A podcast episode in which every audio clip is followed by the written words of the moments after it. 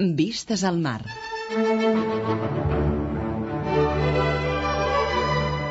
Vistes al mar. Una mirada als nostres músics.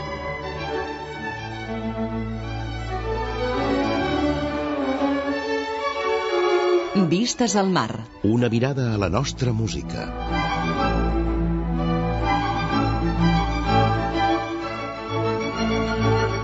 Vistes al mar. La música i els músics que han fet història al nostre país. Vistes al mar.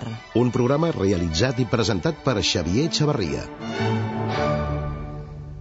Bona nit i benvinguts a una nova edició de Vistes al Mar, el programa que Catalunya Música dedica a la música catalana, a la música i als músics que han fet història al nostre país. Per començar, rebeu una cordial salutació dels que fem el programa d'avui, Rosa Silloé a les vies de so i qui us parla, Xavier Xavarria.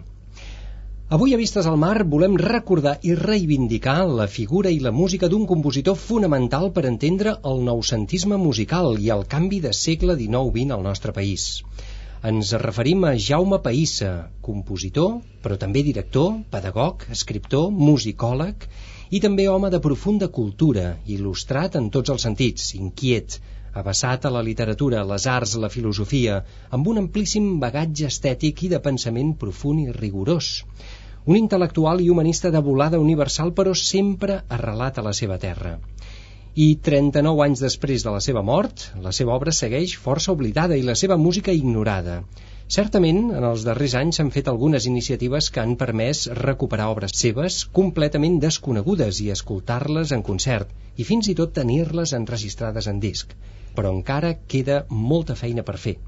I avui us proposem conèixer el millor, descobrir la seva música, redescobrir la figura de Jaume Païssa.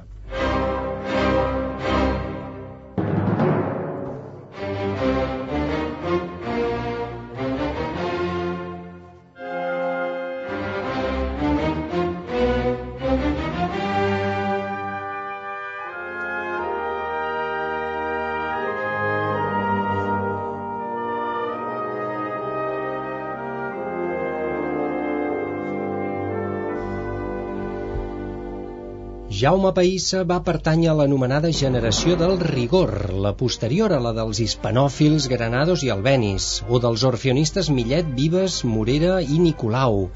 Anterior, aquesta generació, a la del Dream Team finisecular format per Montpou, Blancafort, Gerard i Toldrà.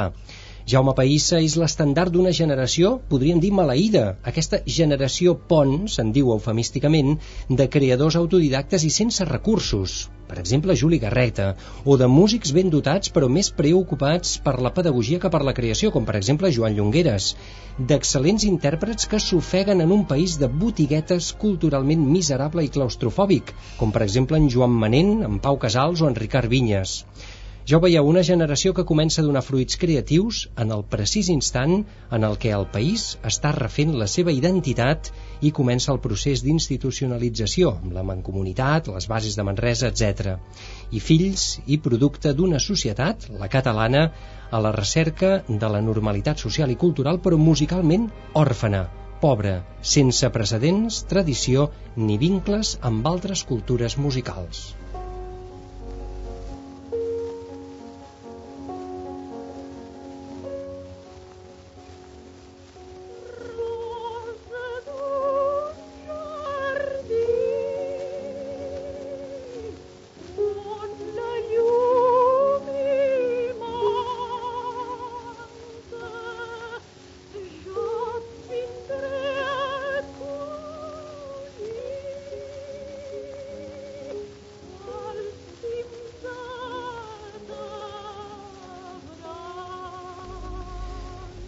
I és en aquest context, en aquesta terra de ningú, que floreix aquesta generació de creadors, intèrprets i pedagogs amb una visió més rigorosa, tècnica, equilibrada de la música i, en definitiva, allò que podríem qualificar de noucentistes musicals.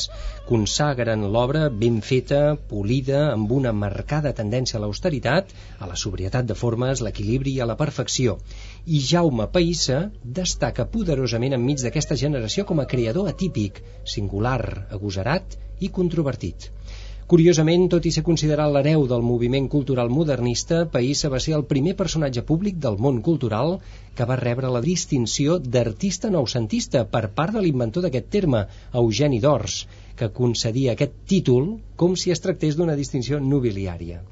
I avui en volem parlar, Vistes al Mar. Volem descobrir aspectes de la seva biografia i també escoltar algunes de les seves obres. I ho farem amb la participació inestimable, ja ho veureu, de tres convidats que el coneixen des d'àmbits i posicions diferents però complementàries.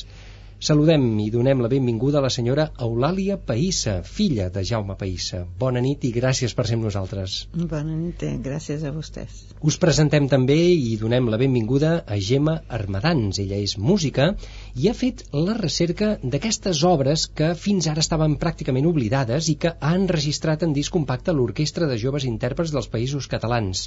Gemma, gràcies per ser amb nosaltres. Bona nit. Bona nit.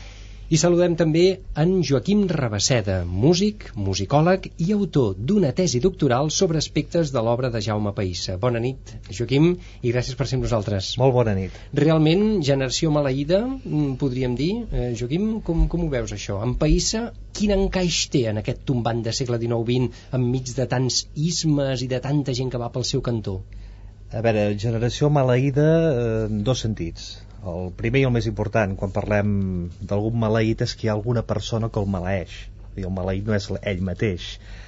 I per tant maleïda per l'oblit o pel desinterès o fins i tot per, eh, per la, pel conflicte que pot suposar estudiar o entendre o valorar Païssa a finals del segle XX per, per les autoritats i la cultura catalana de la transició i, i, i fins a l'època actual.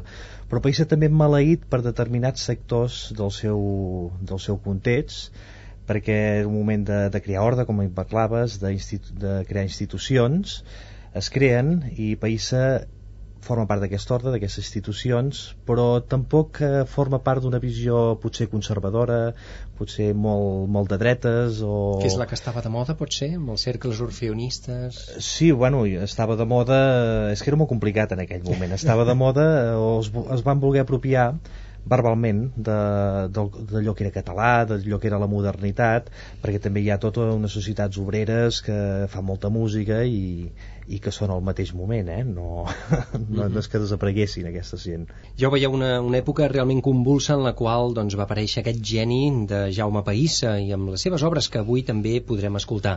Recordem que Jaume Païssa va néixer el 6 d'octubre de 1880 a Barcelona, al carrer Tamarit, oi, a l'esquerra de l'Eixample, i en un entorn familiar i social propici.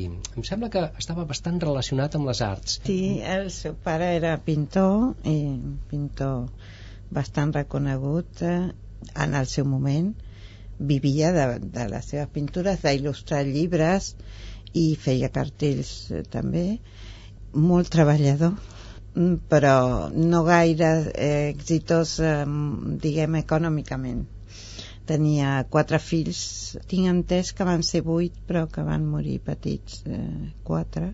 I el pare era el, el més gran de fet, de ben jovenet va ser un gran aficionat en Jaume Païssa a les ciències i als invents. Ell mateix sí. va arribar a dissenyar un revolucionari fre de tramvia. Això ens consta, és possible? Eh?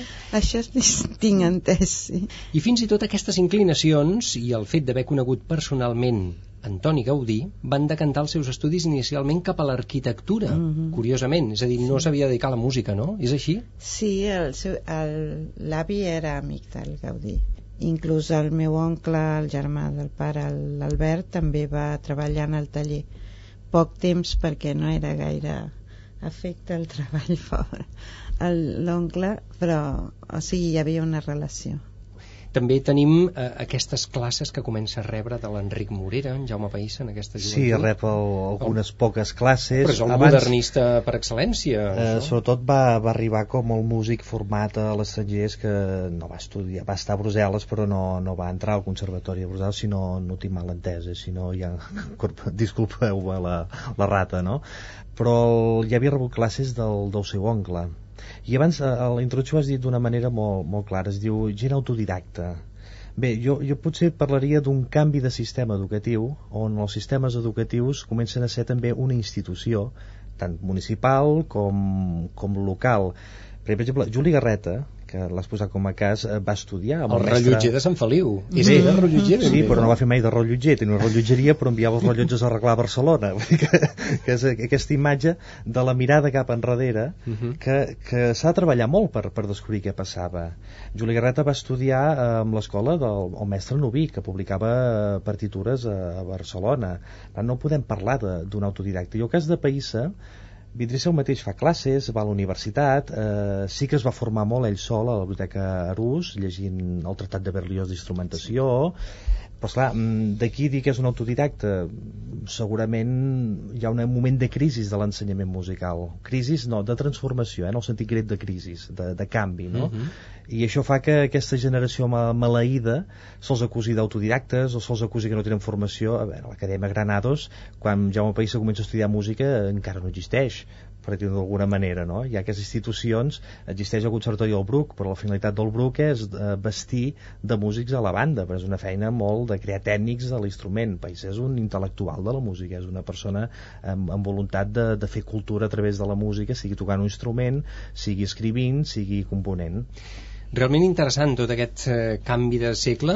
També valdria la pena saber exactament aquestes iniciatives que s'han dut a terme per redescobrir una miqueta l'obra i la trajectòria de Jaume Païssa. I precisament tenim a la Gemma Armadans, que ella s'ha capbussat en aquests darrers mesos, en aquest temps, una miqueta en l'obra sinfònica de Jaume Païssa. És que gairebé no tenim res enregistrat a part d'aquest disc compacte que, per sort, ha, sortit recentment de l'Orquestra de Joves Intèrprets dels Països Catalans. Heu enregistrat dues partitures sinfòniques, dos com poemes sinfònics, podríem dir, que tu has transcrit. Explica'ns-ho, què has fet exactament? Bé, a través del Consell Assessor de la gent dels assessors musicals de l'Orquestra de Joves Intèrprets dels Països Catalans i amb la col·laboració de la Universitat Catalana d'Estiu, el que hem anat fent és una recerca per eh, mirar quines obres realment queden eh, fora de... que han quedat no se sap per quin motiu han quedat eh, oblidades eh, fora de... Dels diguem, circuits de dels concerts, circuits, eh? sí. Des de la Guerra Civil que no se senten, no s'havien sentit mai, Correctament. no? Llavors, una mica va ser doncs, fer un buidat. Jaume Païssa és una persona que ens semblava que s'havia de recuperar obra sinfònica seva, que s'havia de fer aquest treball, i a partir d'aquí vam valorar totes les obres que hi havien, eh, es va valorar eh, quines eren s'ade- s'adequaven més bé a l'orquestra, to- tot el, tot el que pretén aquesta orquestra de joves intèrprets dels països catalans i eh, vam optar per al combat i a les costes mediterrànies dues obres que no entenem com pot ser que hagin estat tants anys doncs, sense sonar, sense poder-se sentir. Això va ser en un concert, recordem-ho, eh, ara fa un any i escaig, va ser a finals d'agost del 2007, correcte. al monestir de Sant Miquel de Cuixà, dirigit per Salvador Brutons, era el concert de Cluenda de l'Estaix, d'aquesta trobada que fan d'uns quants dies, una setmana llarga, d'aquesta norantena de, de joves, nois i noies que provenen de tots que les contrades sí, dels països catalans. dels països eh? catalans Mhm. llavors eh, es fa tot un treball que, que bé, que sempre acaba donant fruit a, amb els concerts i, i val molt la pena perquè és un, es veu el fruit doncs, d'una de, de, d'una joventut d'un d'un jovent que interpreten unes obres de, de força anys enrere, però que en canvi doncs, hi troben aquell sentit i aquell esprit i amb, a, sota el mestratge del Salvador Brutons que sap treure la millor el millor rendiment, el eh? millor rendiment de l'entusiasme aquest Sí, que, que sí. traspua per tot Sí. arreu realment. Per tant, entenem que tu has tingut entre mans els manuscrits. Sí, llavors On eren una mica... aquests Sí, la recerca va ser eh, primer això, veure on són, eh, anar, en aquest cas eren a la Biblioteca de Catalunya, i llavors es va tractar doncs, de- d'anar allà, de, de buscar, de, de veure on, on, bé, fins a quin punt eren, es, eh, es podien treure doncs, més fàcilment o no. Llavors, a partir d'aquí, és tot un treball de- d'analitzar, de, de valorar eh, fins a quin punt doncs, allò es pot editar o s'ha d'editar. Vam veure de seguida que sí, perquè clar, totes són manuscrits que estan doncs, en uns arxius i que clar, en, mentre estiguin allà dins ningú els pot tocar Evidentment. no arriben al públic, no arriben a la gent llavors una de les eh, de les grans tasques d'aquesta orquestra és eh, sobretot la de eh, editar i enregistrar perquè arribi en, en tots els àmbits al màxim de gent possible. Uh -huh. Per tant, entenem que tu també n'has fet l'edició d'aquestes partitures? Bé, també l'orquestra sí, amb la Universitat uh -huh. Catalana d'Estiu em fa l'edició, hem fet l'edició de les dues obres i a part doncs, aquest enregistrament amb un llibret molt elaborat perquè és una de les qualitats o de les, un dels punts que valorem més. El fet que no només arriba la música sinó que a més a més arribi una bona explicació que arribi una bona documentació que la gent entengui en quin context es va escriure allò. I per exemple en aquest cas vam anar a cercar il·lustracions de l'època que parlaven del moment en el qual es van interpretar aquestes peces i una mica doncs, també quina repercussió hi va haver en el, en el moment de, de, de fer-los conèixer en el públic. déu nhi doncs el que hauríem de fer potser és escoltar-ne uns compassos d'alguna d'aquestes peces. Ara sentirem, si us sembla, un dels enregistraments d'aquest disc compacte de l'Orquestra de Joves Intèrprets dels Països Catalans. Sentirem els compassos inicials del combat. La interpreta aquesta orquestra dirigida per Salvador Brutons.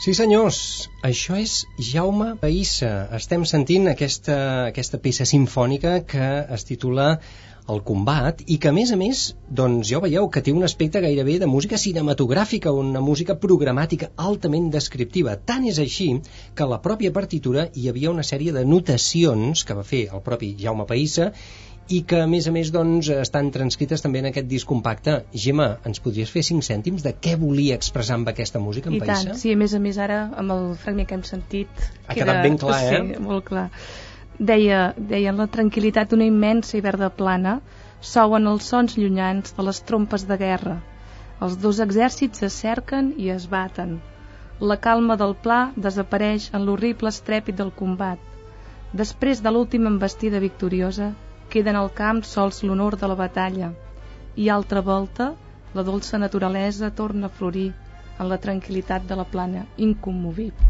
Caram, per tant, al final d'aquests 10 minutets Sí, de música sí, sinfònica llavors tornarà la calma i torna la la placidesa serenitat, amb la torna- qual ha començat, eh? perquè qui, qui s'ho havia d'esperar tot aquest terrabastall wagnerià, podríem dir, m'ho permets això, Joaquim? Eh, és, és el més encertat, Sí? eh, Wagnerià. És doncs que això no en té res de noucentista, en què quedem? Totalment. El Wagner era noucentista. Què dius? Sí. Ai, ara mateix... S'ha de matitzar molt, això, eh? Eugeni d'Ors eh, justament li dedica dos, eh, dos gloses, una dient que és un, dos enemics dels noucentistes, però és d'aquells enemics que, que cal tenir carinyo i cal caure en simpàtic. Aquesta és una. L'altra és eh, sobre l'Associació Wagneriana de Barcelona, lluant la tasca pedagògica, civilitzadora, que dirien ells, imperialista, que diria l'Eugeni d'Ors, de, de, de Wagner i els seus seguidors. I Wagner i el noucentisme és un tema apassionant, perquè Jaume País és un gran wagnerià, com ho és Joaquim Pena, o com ho són Juli Garreta mateix, o, o el Joan Lamote Guignon, etc, Joan Manent, etc etc etc. Què passa amb Wagner? Perquè és un autor nòrdic i és un autor que veiem romàntic o modernista. Bueno, Jaume País fa, un, fa una explicació magnífica que moltes vegades eh, pot fer riure però és un exercici intel·lectual mm, com el que va fer Nietzsche amb, amb Bizet i, i a vegades el Nietzsche com que és eh, l'autor que és eh, no el qüestionem intel·lectualment i Jaume Païssa com que no és conegut ni traduït com Nietzsche tampoc cal que arribi a ser el Nietzsche eh? però el deixem de banda no? el que fa és dir que Wagner era català i això no és el primer en dir-ho, ho deia tothom en aquella època i no per Montsalvat, sinó per moltes raons eh? Vull dir, eh, es pensaven que Lohengrin era Ramon Berenguer, no sé quin deien Ramons Berenguers eh, però fins i tot Manuel de Falla Manuel de Falla el, li explicava a Païssa que sang grial és una paraula catalana perquè vol dir sang rial no? Sang rial. Rial, Eh? Podria eh? ser com una deformació de sang Exacte. reial. i Païssa amb el Percival eh, el Perceval, Percival eh, feia unes construccions que ara ens diverteixen molt però que ens expliquen el noucentisme perquè Wagner ve del nord però Wagner mira al sud. Llavors el Mediterrani és un invent que no fem nosaltres. Arquitectònicament ho fan els arquitectes de l'escola de Viena i ho fan també el, els arquitectes de, de Suïssa. Per la, la, el Mediterrani arquitectònic ve del nord. Un exemple molt proper país el, el Rafael Masó Rafael Masó és dels pocs eh, arquitectes eh, noucentistes del primer noucentisme. Rafael Masó va estudiar a les aules d'en Jaume Païssa a la Facultat d'Arquitectura a la Universitat- de Barcelona. Es coneixen, són amics, es cartegen i Rafael Masó se'n viatge de noces i estudia l'arquitectura quan va a Suïssa. Mhm. I és a Suïssa que aprèn el Mediterrani. És a dir, si en un arquitecte el Mediterrani el descobreix al nord, un músic també passa el mateix. Mhm. La, la consigna nietzscheana, eh, mediterranitzar la música, que aquí el Rosselló se l'agafava en una manera per lluitar contra, contra el wagnerià, Mhm. doncs mediterranitzar la música és una consigna feta per, per Friedrich Nietzsche, sí, a Gènova, no? segurament, però, però un autor del nord. És a dir, el Mediterrani ve del nord i Wagner és un noucentista. Això és, déu nhi és, no direm pervers, però pot ser molt polèmic això, eh? A veure, s'ha d'entendre eh, l'ironia de la frase, eh? S'ha d'entendre l'ironia, eh? Sens dubte. Déu nhi déu estem descobrint un munt de facetes interessants de Jaume Païssa eh, a través d'aquesta conversa que mantenim avui a Vistes al Mar amb els nostres convidats. Recordem que Jaume Païssa també va dur a terme una intensa tasca com a director d'orquestra, pedagog i va exercir el periodisme i la crítica musical, especialment en l'etapa de maduresa. Per exemple, entre 1926 i 1937 va col·laborar al diari Les Notícies amb articles, crítiques i comentaris. L'any 33 va ocupar la càtedra de Cultura General i Estètica al Conservatori del Liceu i també va ser professor d'harmonia i composició a l'Escola Municipal de Música de Barcelona, el Conservatori, que el coneixem.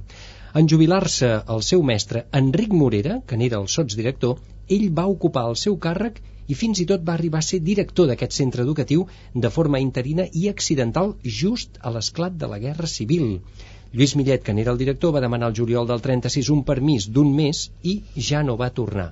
Païssa va tenir un pas semblant pel càrrec en qüestió perquè, avançat l'any 1937, va marxar a l'Argentina per tal de dirigir uns concerts i tampoc no va tornar mai més. El seu intens compromís i implicació amb la causa republicana aconsellava l'exili i va acabar comportant l'ostracisme de la seva figura i l'oblit també de la seva música. I en aquestes circumstàncies va ser quan va néixer la nostra convidada d'avui també, l'Eulàlia Païssa. Sí. Vostè va néixer just un any abans de que el seu pare, de que la seva família, marxés cap a l'Argentina, oi? Sí, van menys, mm, diguem, la guerra va esclatar el 36, jo tenia 3 mesos, i ens vam anar a l'Argentina l'agost crec de, del 37 del 37 amb un barco però sembla ser que eh, la intenció era tornar no? La idea... perquè no se n'anava com a exiliat sinó que se n'anava a fer alguna col·laboració a clar, però en realitat se n'anava perquè la cosa estava molt difícil per ell perquè era un declarat republicà uh mhm. -huh. i llavors eh, bueno, va ser tota una odissea la sortida d'aquí de Barcelona amb tres barcos i una mica per terra al sud de França finalment a Gènova es va, vam agafar l'Augustus que era un transatlàntic italià que després va ser torpedejat per la guerra uh, però evidentment no en el viatge on anàvem vostès no, no, no.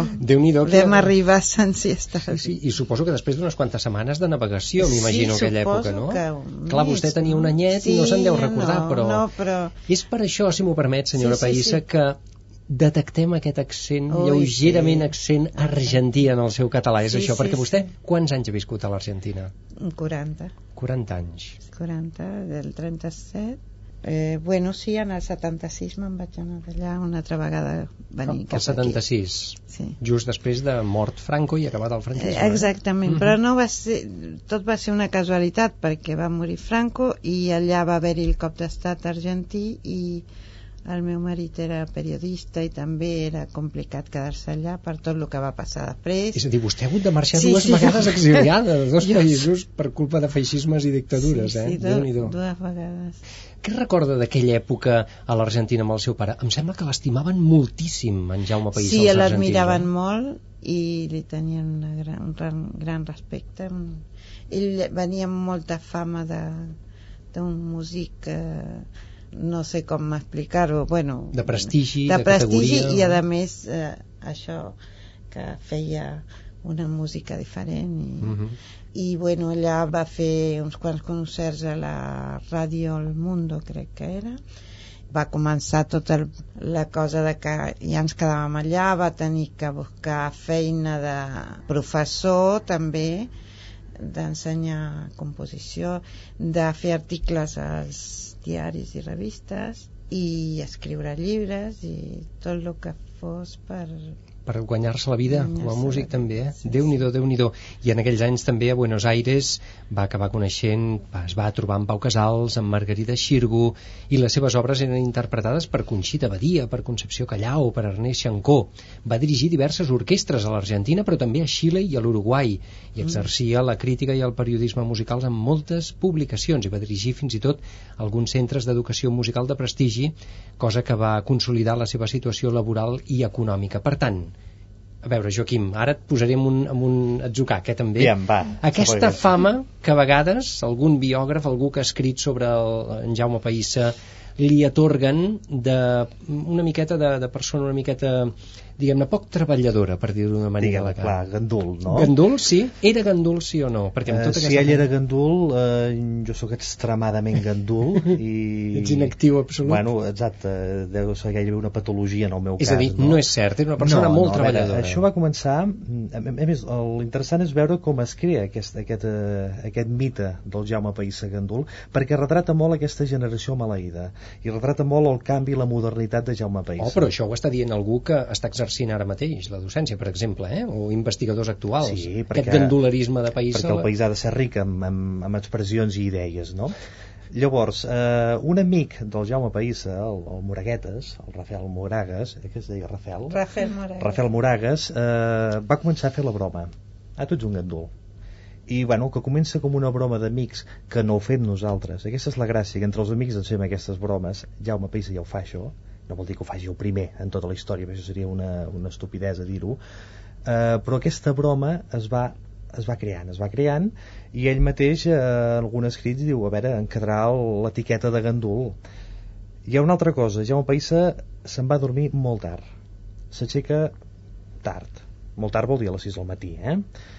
I la seva activitat es, es redueix bàsicament a aixecar-se a dinar compondre sortir a ramblejar, això li agradava molt eh? era un dels, dels rostres o dels icones de la Rambla hi havia un periòdic que es deia La Rambla que li va dedicar tot un, tot un, un article llavors tornava a la biblioteca de l'Ateneu llegia llegia llibres de, de física, llegia llibres de, de metafísica, com allò de l'espiritisme, no recordo com es diu, llegia llibres d'arquitectura, Esotèrics i sobrenaturals. esotèrics, bueno, Sí. tot, era molt normal de la gent de mentalitat republicana. Bueno, el Ricard. Vinyes també era un expert en esoterisme i en coses d'aquestes, eh? Vull dir... Bueno, i la generació dels primers presidents eh, republicans eh, també, eh? Què dius? és una, una tendència molt... Per exemple, citant noms només?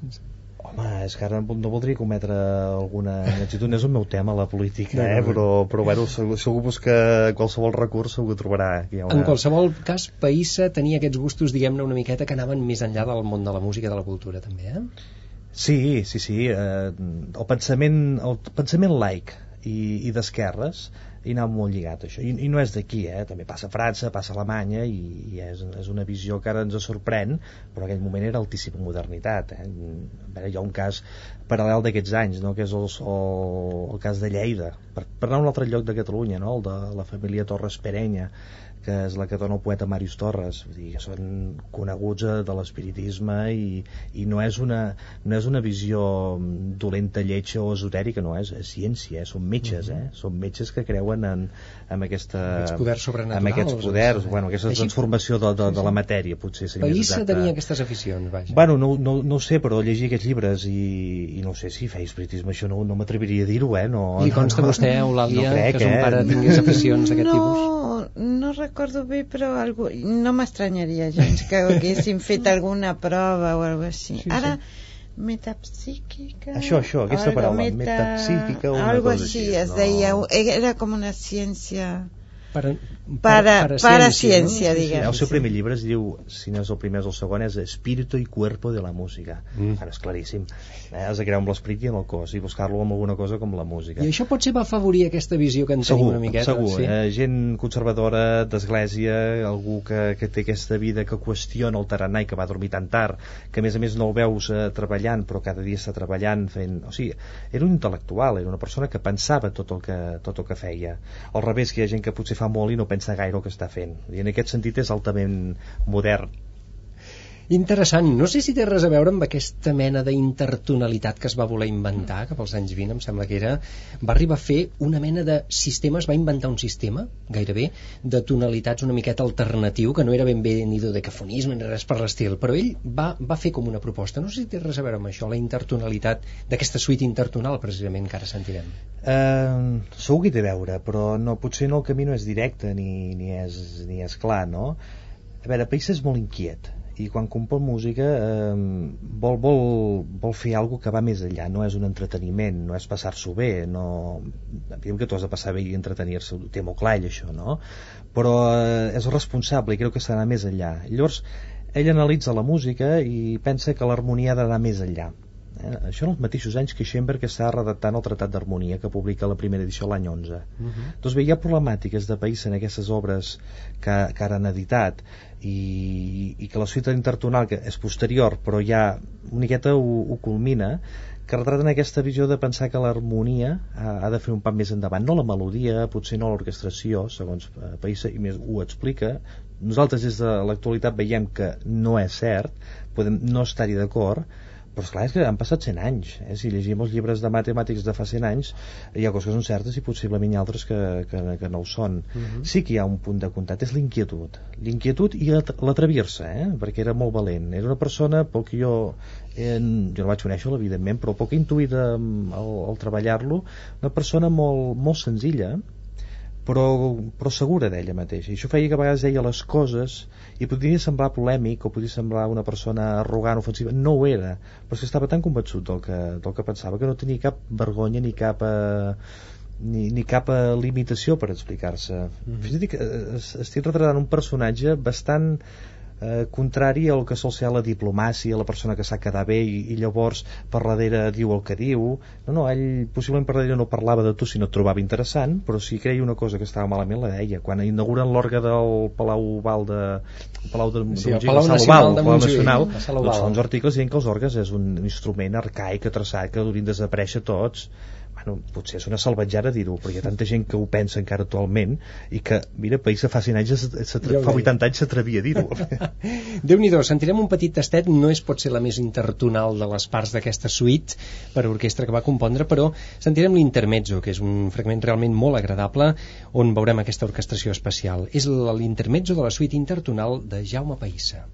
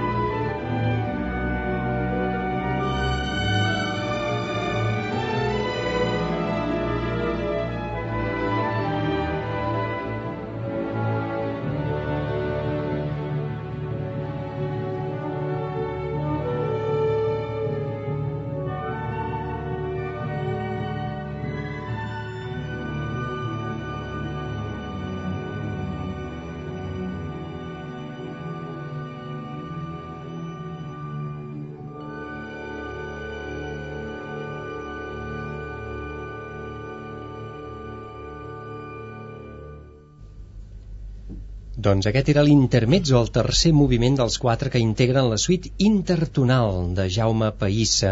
L'hem sentit en la interpretació de l'Orquestra Simfònica de Barcelona i Nacional de Catalunya, l'OBC, dirigida per Salvador Brutons. Vistes al mar. Una mirada a la nostra música. Seguim parlant i redescobrint avui a Vistes al Mar Jaume Païssa. Ho fem amb tres convidats que el coneixen des d'aspectes molt diversos. Per començar tenim a la seva filla, Eulàlia Païssa, que ja ens n'ha fet doncs, un petit retrat biogràfic molt interessant, tota una descoberta. També tenim en Joaquim Rabasseda, musicòleg, autor d'una tesi doctoral sobre en Païssa, i la Gemma Armadans, que per cert ens comentaves que quan et vas submergir en totes aquestes partitures vas veure que n'hi havia moltes altres. Parlem d'òperes i tot? Sí, sí. Òperes i tot va fer, Òperes i tot, sí, Mhm. sí. Gala Placídia, Morisca, Marianela, la princesa Margarida... Són òperes que, bé, que, que estan en allà esperant que algú les interpreti. És a dir, hi ha els manuscrits però no han estat mai Mhm. més editades ni interpretades des de que es van algunes estrenar? sí, algunes no, però són òperes que actualment doncs, no les sentim eh, i no, no, no s'entén perquè no arriben, no? A vegades, això acostuma a passar sovint, que a vegades arriben òperes però arriben només en format concert i no se, no s'escenifiquen, Exacte. cosa que també és una cosa que Perden molt, Eh, evidentment, clar, tothom dius, ens queixem eh, d'això, sí, jo crec. rebaixes eh, eh? però a, a part, per exemple el, el combat que hem sentit abans després va formar part d'una obra que es deia Canigó també molt interessant i molt important que també estaria molt bé Mhm. doncs que se sentís, que es pogués interpretar i que es pogués tocar Canigó, que no és ben bé una òpera, oi que no? No. És música escènica, pot ser? Sí, sí, és, és música incidental, em sembla que en diuen els americans, no? de música que, que es posa entre una obra de teatre, és un gènere de l'època, com el soni d'una nit d'estiu de, de Mendelssohn. Sí. Eh? Seria aquest tipus de d'obra. Pensada per, diguem-ne, per una escena com per acompanyar doncs, un ballet o unes imatges, una No, obra allò va ser escènica. pensat per fer un espectacle, Un eh, espectacle. extraordinari a la plaça de Toros de Figueres i després a les Arenes, a l'aire lliure, Mm, amb sí. una orquestra que tenien Ekelfon. Ekelfon és un Ekelfon. instrument, seria el baix de l'oboè, inventat a l'any 4, i això és la, va ser l'any la primavera de l'any 10, i la, la, està les obres, obres de Strauss també l'Ekelfon aquest, no? Mhm. Mm, i una, bueno, és que ara si parlessin del Canigó potser jo Déu-n'hi-do, m'hi allargaria eh? molt perquè vaig dedicar-li moltes pàgines Sí, de la sí. tesis però bueno, Precisament en aquesta tesi, evidentment, suposem que vas eh, posar l'atenció, vas posar com una mena de microscopi sobre alguns aspectes. Explica'ns-els. Eh, estudiar el camí, oi que sí, una obra? El camí i el Canigó, eh, Mhm. perquè mira, venien per la Seina les primeres, no? I per què aquestes dues? A veure, primer s'ha de situar, una tesi doctoral és, eh, no és un estudi d'un cas concret, sinó que volia defensar una tesi, la meva tesi és la- l'anàlisi musical com a interpretació històrica, però això ara avorriria molta gent i no ho desenvoluparé. Per justificar, per explicar la tesi aquesta, vaig agafar eh, Jaume Païssa com a cas històric. I llavors eh, vaig agafar dues obres molt concretes que es diferenciaven d'un any i mig a les seves estrenes, per estudiar la música en relació al seu context. Entre un i l'altre hi ha la Setmana Tràgica, eh? per entendre's que és, és una època convulsa i una època molt, molt interessant des del punt de vista Sí, sí. històric i musical també. I per això vaig agafar aquestes dues, eh? em podia agafar dues altres, però aquestes ens servien per, per defensar la tesi. I la tesi era, pròpiament, Païssa com a El exemple? títol com a es deia? Jaume Païssa i el subtítol és Un cas d'anàlisi musical. Mhm. Eh, els biòlegs diuen la patata trobada a l'Empordà com un cas de no sé què, De perquè no soc biòleg. mutació genètica Però, sí, sí, és, és un títol molt antipàtic, eh? però, Mhm. però bueno, és una Mhm. tesis, eh? no, no és una novel·la. déu nhi No sé si valdria la pena escoltar una miqueta unes notes, uns compassos d'aquesta obra, El camí, que de fet no hem trobat en lloc enregistrada, però tu has tingut la gentilesa de portar-nos en un enregistrament. Eh, què té d'especial el aquesta camí, obra? El camí és, és una obra fonamental de, jo no diria de país, diria fins i tot de, del sinfonisme català perquè el, el camí és un poema sinfònic com els que hem sentit, s'estrena l'any 9 eh, la història d'una passejada i quan tornes a casa doncs el sol es va ponent i, i retrata la, imatge aquesta eh? Vull dir, aquest Escolta, això el- recorda molt Sinfonia Alpina de Strauss. Va per aquí la cosa? És a dir, música programàtica, música descriptiva, sí, sí, la sí, té un, natura poema, com a... té un poema al costat que, Mhm. que més o menys segueix la, la descripció um, com que és llarg um, Escoltarem un fragment final. i aquest fragment em sembla pot il·lustrar molt uh, les dues polèmiques podien entendre'n al principi uh, se sent una cita de Wagner d'aquell tros dels sons del bosc eh, i és, la cita s'identifica i senten tots uns animalots llavors no, no hi ha direcció harmònica a l'època li van acusar que allò eren bitxejos de la carretera eh? per tant, li qüestionaven que el que sentirem ara, bitxejos de la carretera bitxejos de la carretera, això era un error qui ho diu però és, de la, és citat literalment eh? estaria bé saber qui ho deia eh? Però... està la tesis, però ara mateix no me'n recordo perquè no, no ho sé. Llavors eh, qüestionaven la bellesa de la música perquè retratava un, no retratava rossinyols, sinó que retratava els ocells de, del bosc que la interpretació els deixa entendre. Però després, quan passa aquest, aquest fragment, que dura un minut, una cosa així, hi ha un tema melòdic, com els que hem sentit, que condueix eh, en moment d'alta dissonància aquesta conducció d'alta dissonància que, que, que sentirem, que és el que portarà la intertonalitat, això va, va generar unes polèmiques a l'any nou al Liceu dels que deien que País és bo només perquè feia això i altres que deien que era dolent perquè feia això el tòpic de la, de la, de la consagració de, de Stravinsky a París, no? Uh mhm. -huh. Doncs, bueno, aquest tòpic cinc anys abans a Barcelona i una discussió que no, el tema no era Wagner-Verdi, que és el que coneixem, sí, sí, sinó modernitat o tradició i aquí el qui viu al mig era Jaume País amb aquest fragment de poema Déu nhi déu doncs haurem de parar bé l'orella per escoltar aquests bitxejos de la carretera, si m'ho permets, i aquest llenguatge tan especial. L'any, recordes? L'any Any nou s'estrena i el va compondre l'any 8. L'any 1909. S'estrena a la temporada d'hivern, és a dir, devia ser el mes de març, no, no ho recordo exactament, Déu perquè hi havia la Quaresma per allà al mig i això fa saltar-ho tot, sí, de l'any nou. Eh? Doncs escoltem aquest fragment musical, els compassos finals de El camí, de Jaume Païssa. Què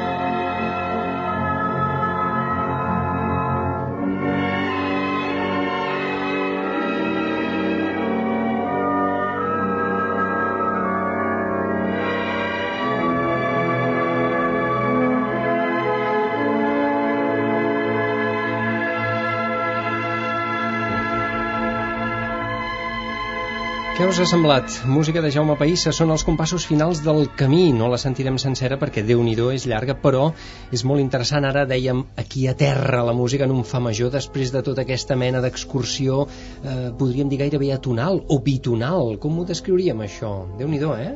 Si estiguéssim... Això va provocar escàndol el 1909? Sí, sí, sí, va... sí, sí, sí, sí, i tant, va haver un escàndol. Abans que Stravinsky tastés la bilis dels, dels aristòcrates parisencs, aquí Païssa ja... Eh, ja... Va, va tastar la ja bilis patia. dels aristòcrates catalans, que ja l'havia passat, eh? no, era, no era novetat. Uh Mhm. -huh. que el fa molt significatiu quan, quan l'analitzes o l'escoltes, entens, dius, nosaltres hi estem acostumats eh, Exacte, coses, ja portem tot el segle XX de tonalitat per entendre'ns, no? Clar, però en el aquella Schoenberg època... està començant a fent-ho però amb peces de piano eh? Mhm. I llavors el, la lletra figurada no és aquest nivell de, disson, de dissonància tot i que té 10 anys, eh, ja tenia 10 anys en aquell moment no? Mhm.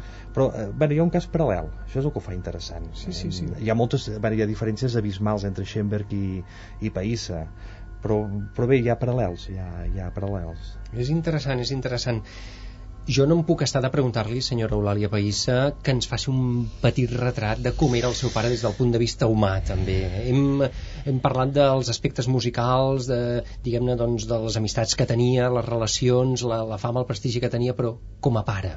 Bueno, era un pare molt present perquè estava sempre a casa, Mm -hmm. o molt temps a casa, però també molt absent en el sentit de que ell estava en el seu món, no? S'aïllava Com en la seva feina. S'aïllava bastant i bueno, li agradava molt llegir, es quedava també fins molt tard llegint i fent numerets perquè li agradava molt les matemàtiques Mm.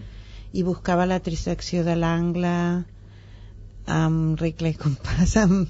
sí, crec que és això que és un d'aquests problemes com la quadra...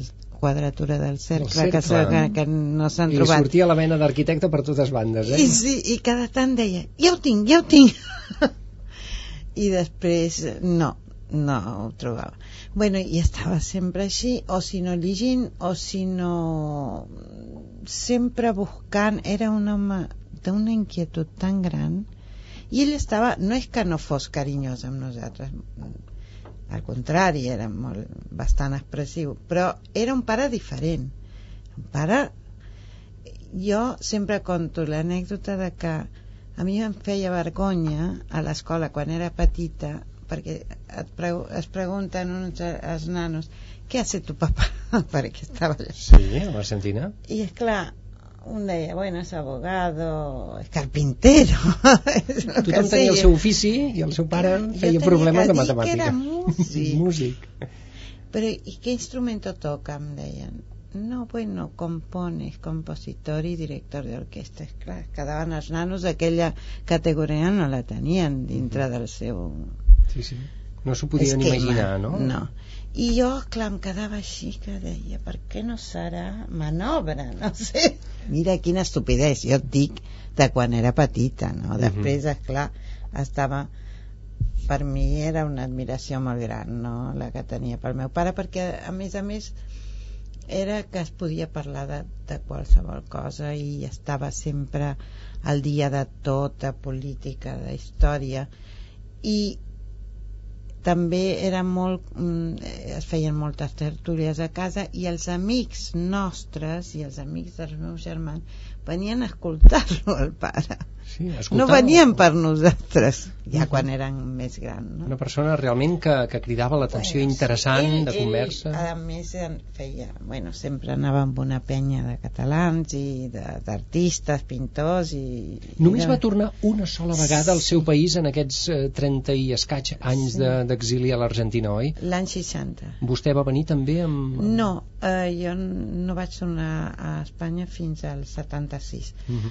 però va coincidir que també havia vingut el meu germà Ricard que, era arquitecte, que és arquitecte i havia acabat la carrera i llavors van coincidir aquí i vam fer un viatge junts bueno, va estar un any aquí, sí déu nhi Jaume Païssa va morir a Buenos Aires el 27 d'octubre de 1969. El seu cos encara està enterrat Sí. al cementiri de la Chacarita, a la capital platense, Exacte. sí, a en Buenos el Aires. Panteón de la Sadaí que és com les GAE d'allà Sí, jo no sé, clar, vam tornar les restes mortals de Pau Casals Sí, des de sí. Puerto Rico a la seva terra perquè no les de Jaume Païssa, o pot ser és que ell no volia. no, no, sí, al contrari Li agradaria estar enterrat a Catalunya, estic pare? segur Estic segura perquè ell era un català, Però però... Socarrel no va oblidar mai la seva terra, per No, veiem, eh? al contrari. No tenia aquella melancolia malaltissa, però ell, Catalunya era Sí, sí, sí, sí. sempre. Doncs encara en aquests moments està a Buenos Aires. Ahí està allà, sí, sí, sí. I amb problemes de, bueno, de que, es, que es fa, perquè amb un panteó limitat Evidentment. els meus germans estan intentant que no Déu-n'hi-do, treguin. déu nhi Si els sembla, a mi em vindria molt de gust escoltar-lo tocant el piano amb ell, acompanyant ni més ni menys que Conxita Supervia amb una cançó que dura uns 90 segons encara no, que es diu Rosa. Què els sembla? Toca ell, toca ell, l'acompanya. Eh? Doncs és un enregistrament de fa una bona pila d'anys, òbviament. Sentim aquesta cançó, Rosa, de Jaume Païssa. Ell toca el piano.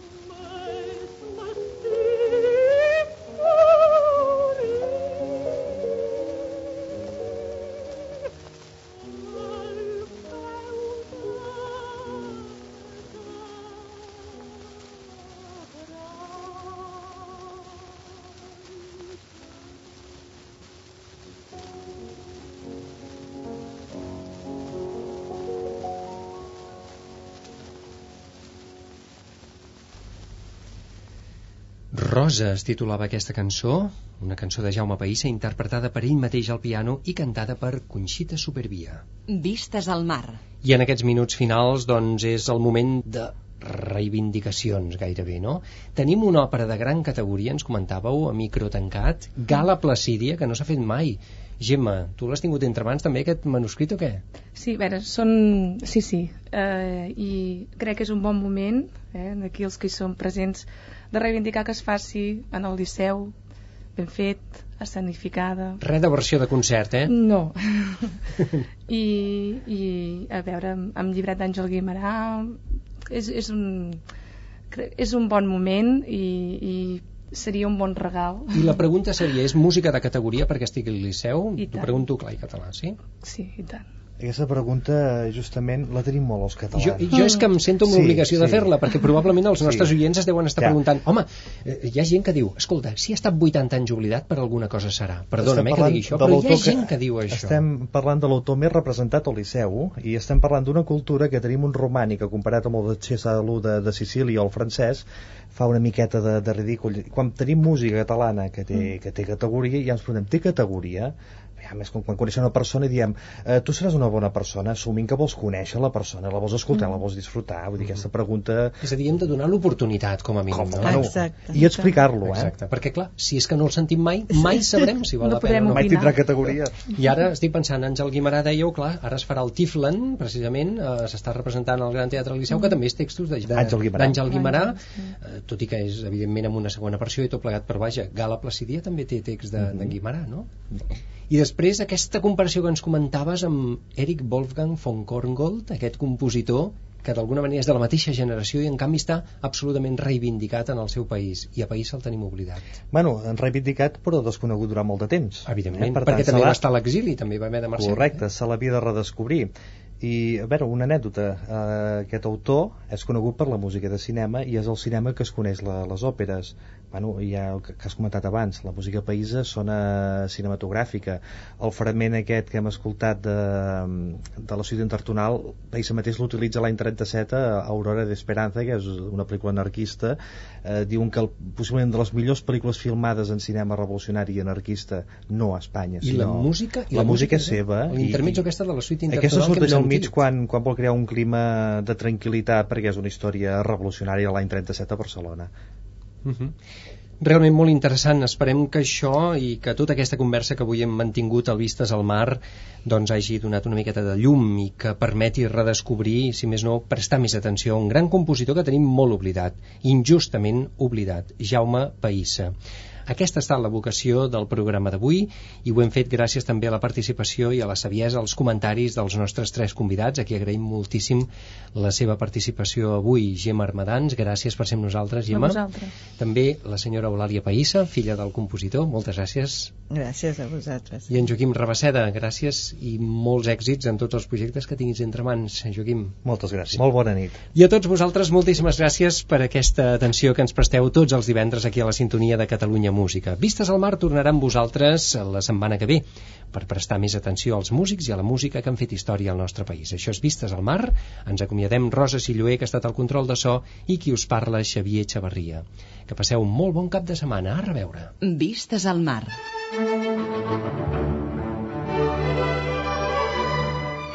Vistes al mar. Una mirada als nostres músics.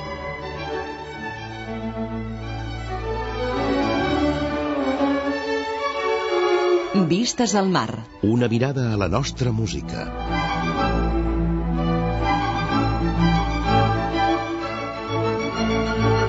Vistes al mar. La música i els músics que han fet història al nostre país. Vistes al mar. Un programa realitzat i presentat per Xavier Xavarria.